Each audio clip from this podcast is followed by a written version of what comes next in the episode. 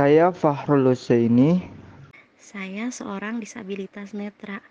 Dari Kabupaten Pemalang. Disabilitas mandiri itu adalah disabilitas yang mampu percaya diri, jangan malu-malu untuk keluar.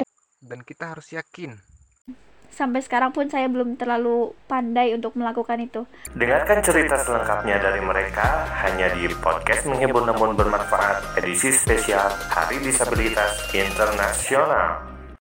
Assalamualaikum warahmatullahi wabarakatuh pendengar semuanya dan wah alhamdulillah senang sekali akhirnya kita sampai di tanggal yang dinanti-nanti yaitu tanggal 3 Desember yakni hari ini bertepatan dengan HDI atau Hari Disabilitas Internasional. Ayo disabilitas mana suaranya?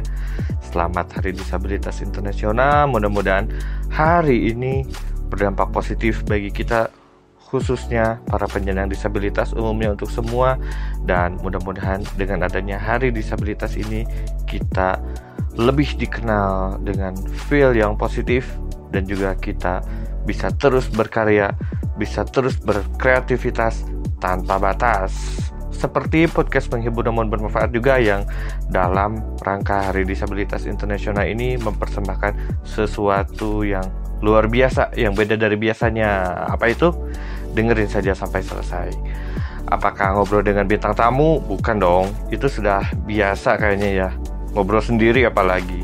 Nah, karena ini edisi spesial, jadi saya juga akan persembahkan dengan cara yang spesial. Bagaimana sih? Yaitu untuk kali ini dalam rangka HDI atau Hari Disabilitas Internasional di podcast episode spesial kali ini akan ada banyak suara di dalamnya, akan ada banyak sudut pandang, akan ada banyak cara pemikiran di mana cara pemikiran ini adalah dari para teman-teman penyandang disabilitas. Ih, seperti apa keseruannya? Pokoknya ikuti. Ikuti dan dengarkan terus podcast ini sampai selesai.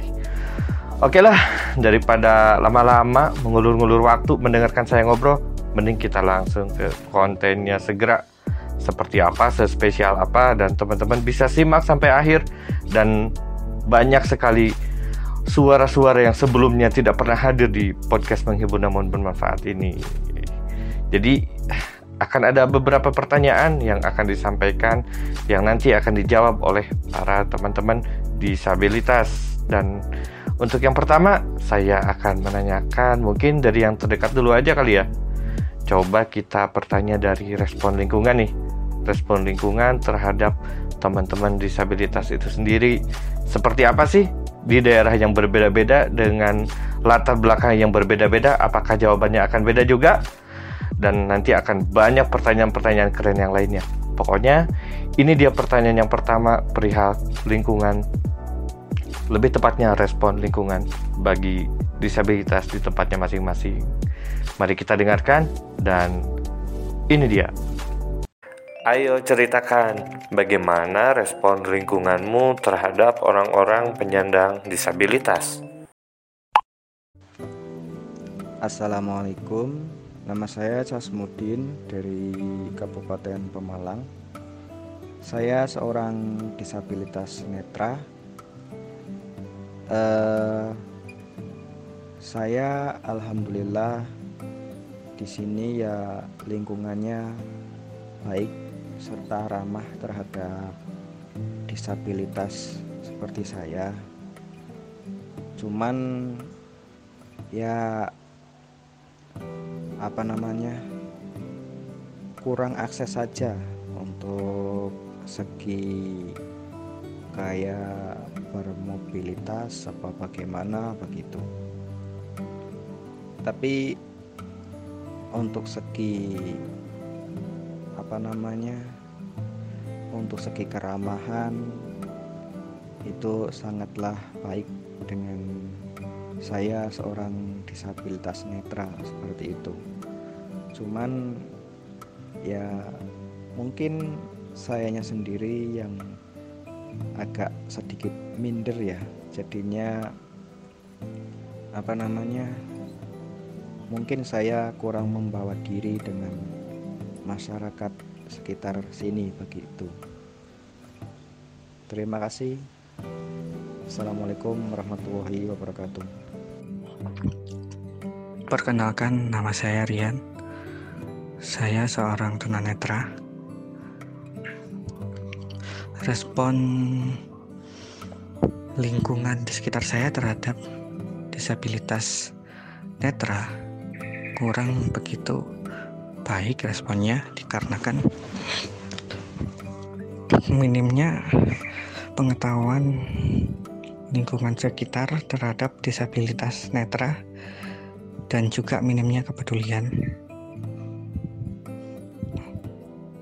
terhadap kaum disabilitas. Assalamualaikum warahmatullahi wabarakatuh. Perkenalkan nama saya Abdul Rahman. Suka dipanggil Oman atau Dedek. Saya seorang tunadaksa dari sekitar usia saya 10 tahun sampai sekarang. Untuk aktivitas sehari-hari saya menggunakan tongkat dan untuk lingkungan sekitar alhamdulillah semua respon baik bagi mereka semua sama aja tidak beda-bedakan Wow, luar biasa sahabat pendengar. Gimana? Mendengarkan nggak dari awal sampai ketiga penjawab yang tadi sudah menyampaikan respon lingkungannya di tempat masing-masing? Ya, ada yang dari Jawa, tadi ada yang dari Jawa Barat, ada yang daksa, ada yang tunanetra, pokoknya dan ternyata jawabannya juga benar-benar beragam, benar-benar tidak ada sama sekali kesamaan. Itu, uh, gimana nih? Baru satu pertanyaan aja udah seru ya, dan ya udah daripada mendengarkan suara saya sehingga podcastnya menjadi kurang seru, menjadi biasa, mending kita lanjut yuk ke pertanyaan kedua. Oke, untuk pertanyaan kedua ini mungkin kita ke pertanyaan mandiri aja kali ya. Gitu, gimana teman-teman setuju nggak? Gitu, kira-kira mandiri seorang disabilitas itu kalau sudah mencapai atau kalau sudah seperti apa sih? Nah, teman-teman penasaran nggak? Mungkin kalau yang jawabnya pakar atau dari Kementerian Sosial itu udah biasa lah ya dengan kata-kata yang ya gitu deh tapi kalau langsung dari para penyandang disabilitasnya langsung, itu akan dijawab dengan kata-kata yang apa adanya dan ya memang itulah. Memang menurut dia seperti itu dan ini akan jauh lebih penasaran lagi. Sip, gimana teman-teman udah siap?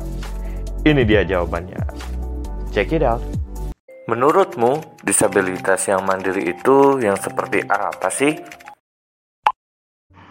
Saya Fahrul Husaini, asal dari kota Ukir, Jepara, Jawa Tengah. Menurut saya, mandiri bukan berarti tidak membutuhkan orang lain, tetapi mandiri kita harus memaksimalkan apa yang kita bisa semaksimal mungkin, dan kita jangan menggunakan alasan ingin mandiri sehingga menolak bantuan orang lain. Kita juga perlu menghargai perasaan mereka ingin membantu kita. Salam sapa buat teman-teman. Perkenalkan nama saya Arman, saya dari Kota Magelang. Saya itu daksa. Jadi menurut saya itu kalau disabilitas mandiri itu adalah disabilitas yang mampu melakukan aktivitas sendiri, bekerja sendiri tanpa mengandalkan orang lain. Bahkan bisa menciptakan lapangan pekerjaan untuk dirinya sendiri. Jadi tidak mengandalkan pekerjaan yang ikut orang lain. Terima kasih. Assalamualaikum warahmatullahi wabarakatuh. Perkenalkan, nama saya Teguh Iman Hidayat, asal dari Cilacap, Jawa Tengah, tapi sekarang tinggal di Surabaya. Untuk saya merupakan disabilitas daksa, amputasi tangan kanan atau istilahnya buntung tangan kanan dan jari kiri nggak lengkap hanya dua untuk sekarang saya tinggal di Surabaya dan bekerja sebagai seorang penjahit. Ini menjawab sebuah pertanyaan menurut disabilitas yang mandiri itu seperti apa? Menurut saya, disabilitas yang mandiri itu saat di mana disabilitas itu bisa menerima kekurangannya, bisa berdamai dengan diri sendiri, dan bisa menjaga, bisa membawa dirinya untuk kehidupan yang jauh lebih baik tanpa bantuan keluarga, bisa bekerja, bisa memiliki kegiatan yang positif, entah itu apa pun. Dan di saat mereka bisa menghasilkan uang dengan jerih payahnya dan bisa melakukan hal-hal yang positif, yang bisa mendapatkan cuan buat dirinya dan itu mungkin bisa dikategorikan mandiri dan bisa lebih bermanfaat buat orang banyak. Terima kasih. Baik, terima kasih. Luar biasa tuh kan. Kata apa saya juga apa kata saya juga apa sampai kebalik sampai speechless ngobrolnya gara-gara ternyata jawabannya amat luar biasa terima kasih banyak tadi ada Mas Fahrul ada Arman dan Mas Teguh Iman Hidayat yang sudah menjelaskan sudut pandangnya tentang disabilitas yang mandiri itu yang seperti apa. Uh, ini tuh spesial ya teman-teman. Tapi ada yang spesial lagi nih. Mungkin teman-teman yang dari tadi dengar ya, ini kok dari tadi suara laki-laki aja nih, suara apa? Suara pria aja, tapi suara perempuan atau suara wanitanya mana? Nah, jadi di spesial ini saya untuk perempuan ada lagi momen yang spesialnya. Jadi perempuan ini adalah spesialnya spesial ya. Mantap. Nah, pertemu kalau untuk perempuan ini ada pertanyaan khusus yang akan dijawab oleh para difabel dari kalangan perempuan. Mantap. Uh, yaitu mungkin saya akan menanyakan tentang tantangan. Tantangan spesifik yang dialami oleh para perempuan dengan penyandang disabilitas. Kira-kira apa nih ya? Teman-teman juga mungkin penasaran, ayo merapat-merapat kita dengarkan jawaban-jawaban keren, jawaban-jawaban inspiratif dari teman-teman perempuan disabilitas. Ini dia jawabannya. Tantangan spesifik apa yang sering dihadapi oleh teman-teman disabilitas perempuan? Nama saya Asliati atau biasa dipanggil Lia. Saya seorang disabilitas netra.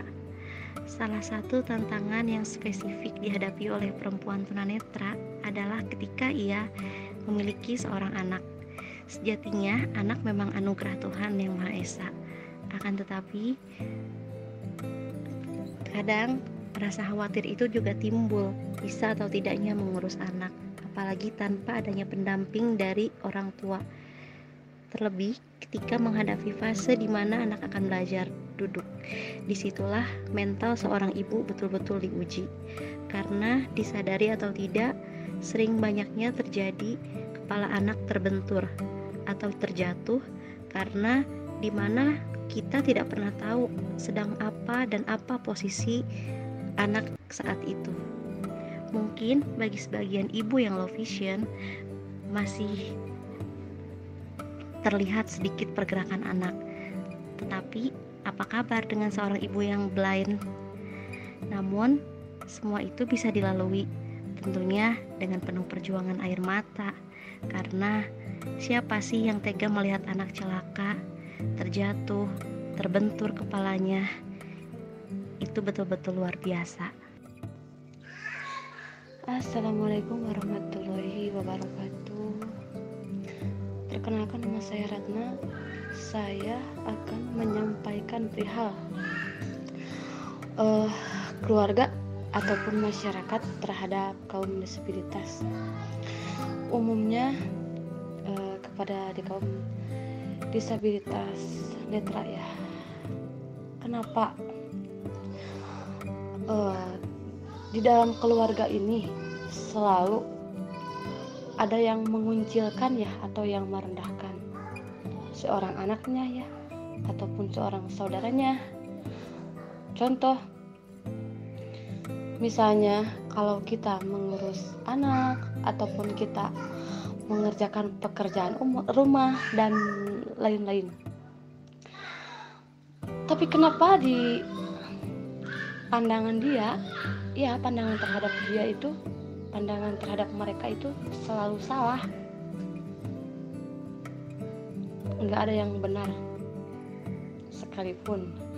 Dan yang bikin saya heran ini terutama untuk mengurus anak uh, saya diri sendiri bahkan mereka bilang kalau jauh dari orang tua mungkin nggak bisa nggak akan bisa ngurus seorang anak. Nah itu mohon diperhatikan dan apa ya maksud saya ini mohon diperhatikan itu untuk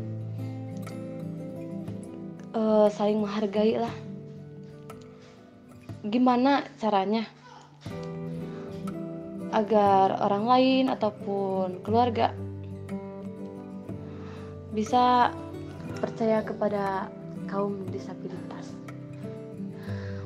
Bukannya nggak bisa ya kaum disabilitas untuk melakukan pekerjaan rumah dan lain-lain. Bisa. Tapi ya begitulah terhadap uh, orang luar ataupun keluarga tetap salah di pandangannya. Assalamualaikum semuanya, halo perkenalkan nama saya Azga Septiadiska atau yang lebih dikenali dengan nama Bunda Azga. Nah, saya disabilitas netra. Tantangan, tantangan yang sering dihadapi oleh saya sendiri Yaitu uh, dalam mengendalikan rasa malu nah, Sering banget nih saya malu dan merasa saya nggak sehebat teman-teman disabilitas yang lainnya.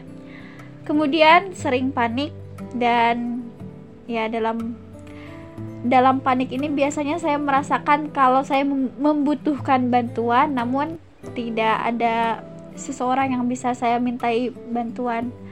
Kemudian untuk uh, dalam hal memasak dan membuat kreasi di dapur ya wah itu sulit sekali dan sampai sekarang pun saya belum terlalu pandai untuk melakukan itu Oke, mungkin itu saja yang masih jadi tantangan untuk saya. Terima kasih. Halo, saya Aurelia, seorang disabilitas tunanetra asal Padang, Sumatera Barat.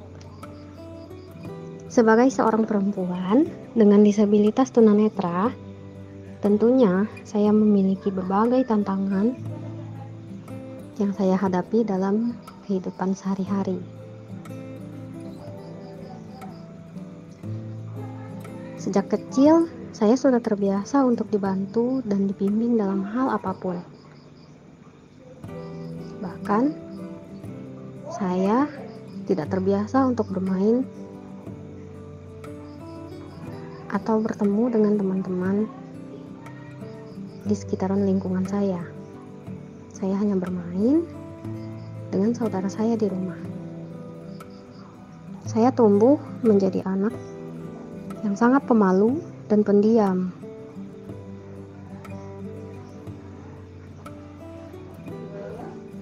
Dan itulah tantangan yang terberat menurut saya.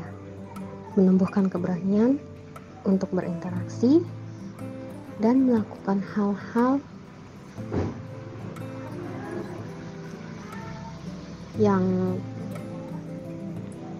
di mana saya sebenarnya bisa melakukannya tapi saya takut untuk melakukannya tanpa bantuan.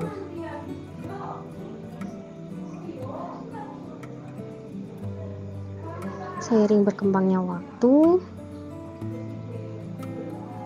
saya mencoba untuk bergaul dengan teman-teman teman-teman yang tidak memiliki disabilitas alias teman-teman uh, teman-teman normal di situ saya mulai berpikir. Saya mulai berpikir untuk menumbuhkan keberanian. Sangat sulit memang. Bahkan untuk menciptakan sebuah obrolan tanya saja saya sangat takut dan malu. Tetapi saya memiliki tekad untuk menjadi pemberani untuk bisa berinteraksi walaupun dengan ketakutan untuk teman-teman disabilitas lainnya saya harap mampu untuk berani dan mampu untuk mencari jalan sendiri dalam menghadapi berbagai tantangan. Tidak masalah jika kita masih bergantung pada orang lain, tapi berusahalah untuk mandiri dan menghadapi masalah kita sendiri. Terima kasih. Baik, terima kasih untuk para teman-teman dari tim perempuan yang sudah menyampaikannya dan luar biasa tantangannya berat sekali ya itu sebetulnya tapi mudah-mudahan dengan dorongan dari orang terdekat dari orang-orang yang menurut kita baik dan tentunya dorongan dari doa kita terhadap Tuhan mudah-mudahan kita khususnya para difabel perempuan bisa menghadapi tantangan-tantangan tersebut baik terima kasih untuk perempuan dan jangan beranjak dulu podcast edisi spesial Hari Disabilitas Internasional masih belum selesai.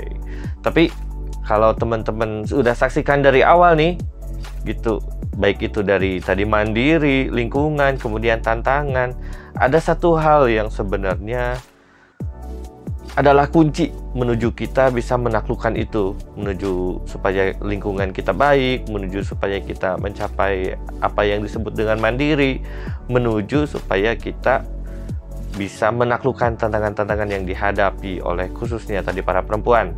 Nah, apa itu? Percaya diri. Tapi untuk percaya diri ini rasanya kurang lengkap ya kalau saya hanya menyampaikan kuncinya hanya satu yaitu percaya diri. Sementara saya tidak memberikan tips-tips supaya kita bisa percaya diri. Makanya saya juga sudah bertanya pada beberapa orang yang tentu saja sudah berdamai dengan kedisabilitasannya dan juga sudah menjalani hidup dengan percaya diri dan bisa berbaur dengan masyarakat sebagaimana mestinya. Sip, jadi mereka akan berbagi tips nih tentang gimana caranya supaya kita bisa percaya diri dan kita bisa berbaur dengan masyarakat. Ya, ayo merapat-merapat. Kita dengarkan ada apa tipsnya dan kalau perlu boleh siapin catatan atau tayangan ini diulang-ulang supaya ingat dan khususnya kita para disabilitas yang mendengarkan bisa mengamalkan tips-tips yang akan disampaikan oleh teman-teman difabel yang lumayan banyak ini. Silakan. Bagaimana tips supaya kita bisa percaya diri dan berbaur dengan masyarakat sebagai orang penyandang disabilitas?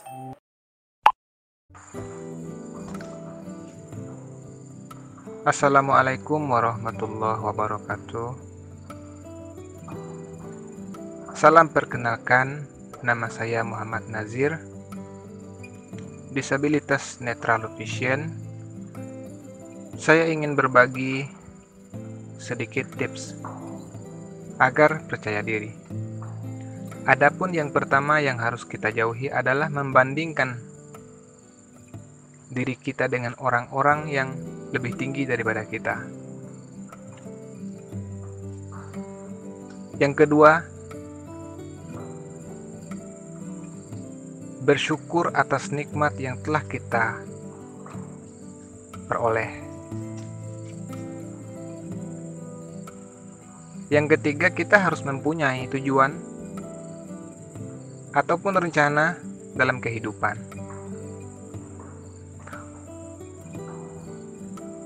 Adapun selanjutnya, kita harus berani menghadapi suatu kegagalan dalam kita berjuang, karena tidak ada keberhasilan yang tidak diawali dengan kegagalan. Harus kita yakini, setiap yang hadir di permukaan bumi pasti pernah mengalami kegagalan, pasti pernah mengalami cobaan. Jadi, tidak menutup kemungkinan bahwasanya kita juga harus menemukan hal yang sama, harus merasakan hal yang sama, harus mengetahui hal yang sama. Untuk itu, marilah sama-sama kita percaya kepada diri kita sendiri, dan kita harus yakin apa pun yang kita inginkan, kita pasti mampu. Maka, keyakinan kita adalah suatu doa untuk diri sendiri untuk meraih kesuksesan yang kita usahakan dari saat ini. Demikian yang bisa saya sampaikan. Wassalamualaikum warahmatullahi wabarakatuh. Halo, aku Betari Putri dan aku disabilitas netra. Dari kecil sampai sekarang aku punya hobi di bidang musik dan aku juga senang banget berbaur sama saudara-saudara aku, teman-teman aku. Aku senang main, senang yang lain-lainnya dan itu dibutuhkan keberanian dan kepercayaan diri kita sendiri. Tips untuk percaya diri dan berani adalah kita harus punya prinsip bahwa semua manusia diciptakan sama punya kekurangan dan punya kelebihan. Ada yang tinggi, pendek, ganteng, atau kurang beruntung mungkin. Ada yang cantik atau ya sama-sama kurang beruntung dan ya pas takdir kita kekurangannya di sini di netra. Jadi kenapa kita harus minder kalau semua orang punya kekurangan? Yang kedua, kita juga hmm, harus punya prinsip bahwa kita itu sama-sama makhluk sosial, kita punya hak buat berbaur, buat uh, berkreasi, buat berkarya dan kita juga punya hak buat bersosialisasi sama orang lain. Kita nggak usah malu, kita santai aja. Toh kita di mata Tuhan itu sama. Jadi ya sama-sama manusia, sama-sama berhak untuk berkarya karena kita sama-sama makhluk Tuhan, sama-sama di dunia dan kita juga harus ingat sama mimpi-mimpi kita harus ingat sama cita-cita. Jangan sampai mimpi-mimpi kita harapan kita cita-cita kita sia-sia cuma karena kita minder cuma karena kita nggak percaya diri. Dan pesan aku semoga semuanya uh, tetap berani tetap percaya diri. Jangan malu-malu untuk keluar jangan malu-malu untuk uh, dilihat sama orang jangan malu-malu untuk tampil di mana pun. Uh, kembangkan kreasi kalian kembangkan juga diri kalian. Baik so tetap berani tetap semangat raih cita-cita raih mimpi kalian dan tetap berbaur seperti yang lainnya karena kita semua sebenarnya sama. Oke? Okay? Hai teman-teman semua. Aku Akbar Ariantono Putra salah satu penyandang disabilitas sensorik netra. Aku berasal dari daerah istimewa Yogyakarta, tepatnya di kota kecil Kabupaten Bantul. Di sesi ini aku pengen sedikit sharing teman-teman. Bagaimana sih agar kita bisa lebih percaya diri dalam pergaulan? Ada dua tips teman-teman. Pertama, kita menambah referensi wawasan. Kedua, kita harus mau aktif bertanya.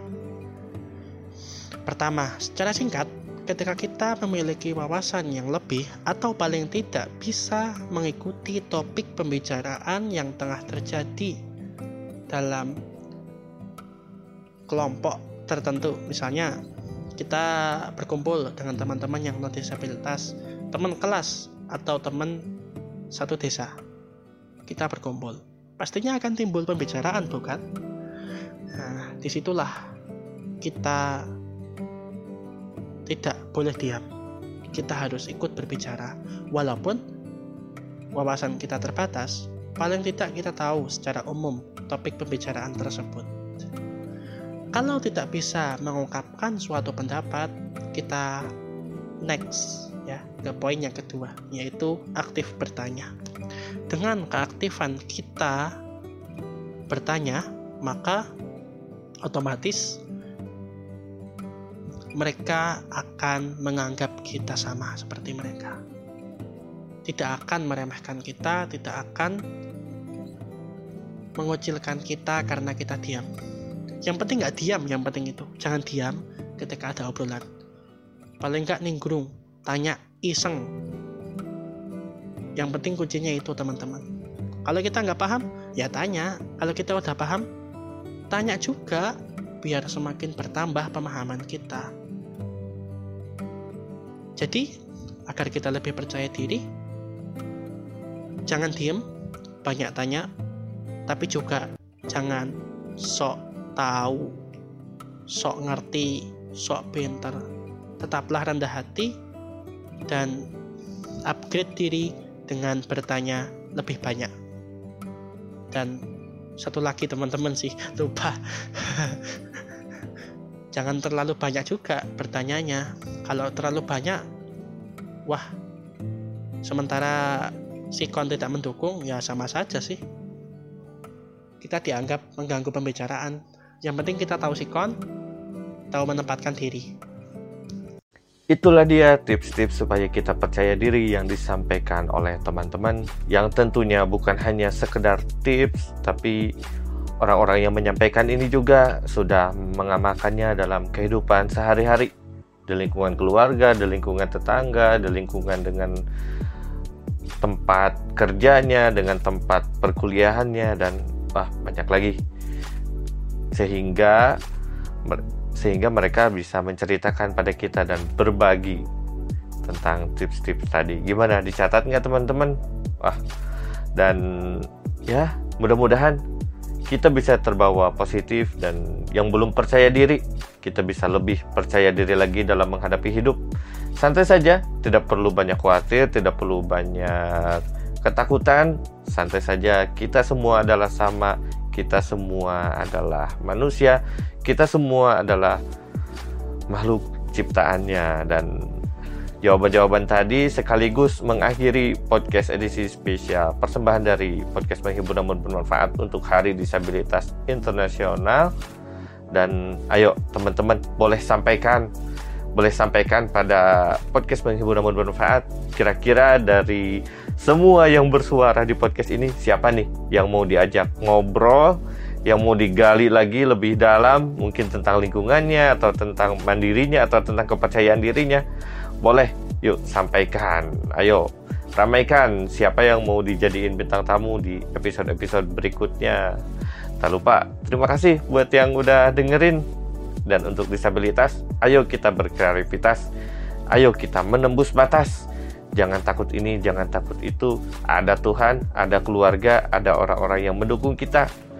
Walaupun kita dicaci, tapi kita tidak boleh terlalu diambil hati. Walaupun kita kadang merasa terinjak, tapi kita tidak boleh merasa bahwa ini adalah akhir dari segalanya. Saya Ahmad dari podcast menghibur namun bermanfaat pamit undur diri. Sekian, sampai jumpa. Wassalamualaikum warahmatullahi wabarakatuh.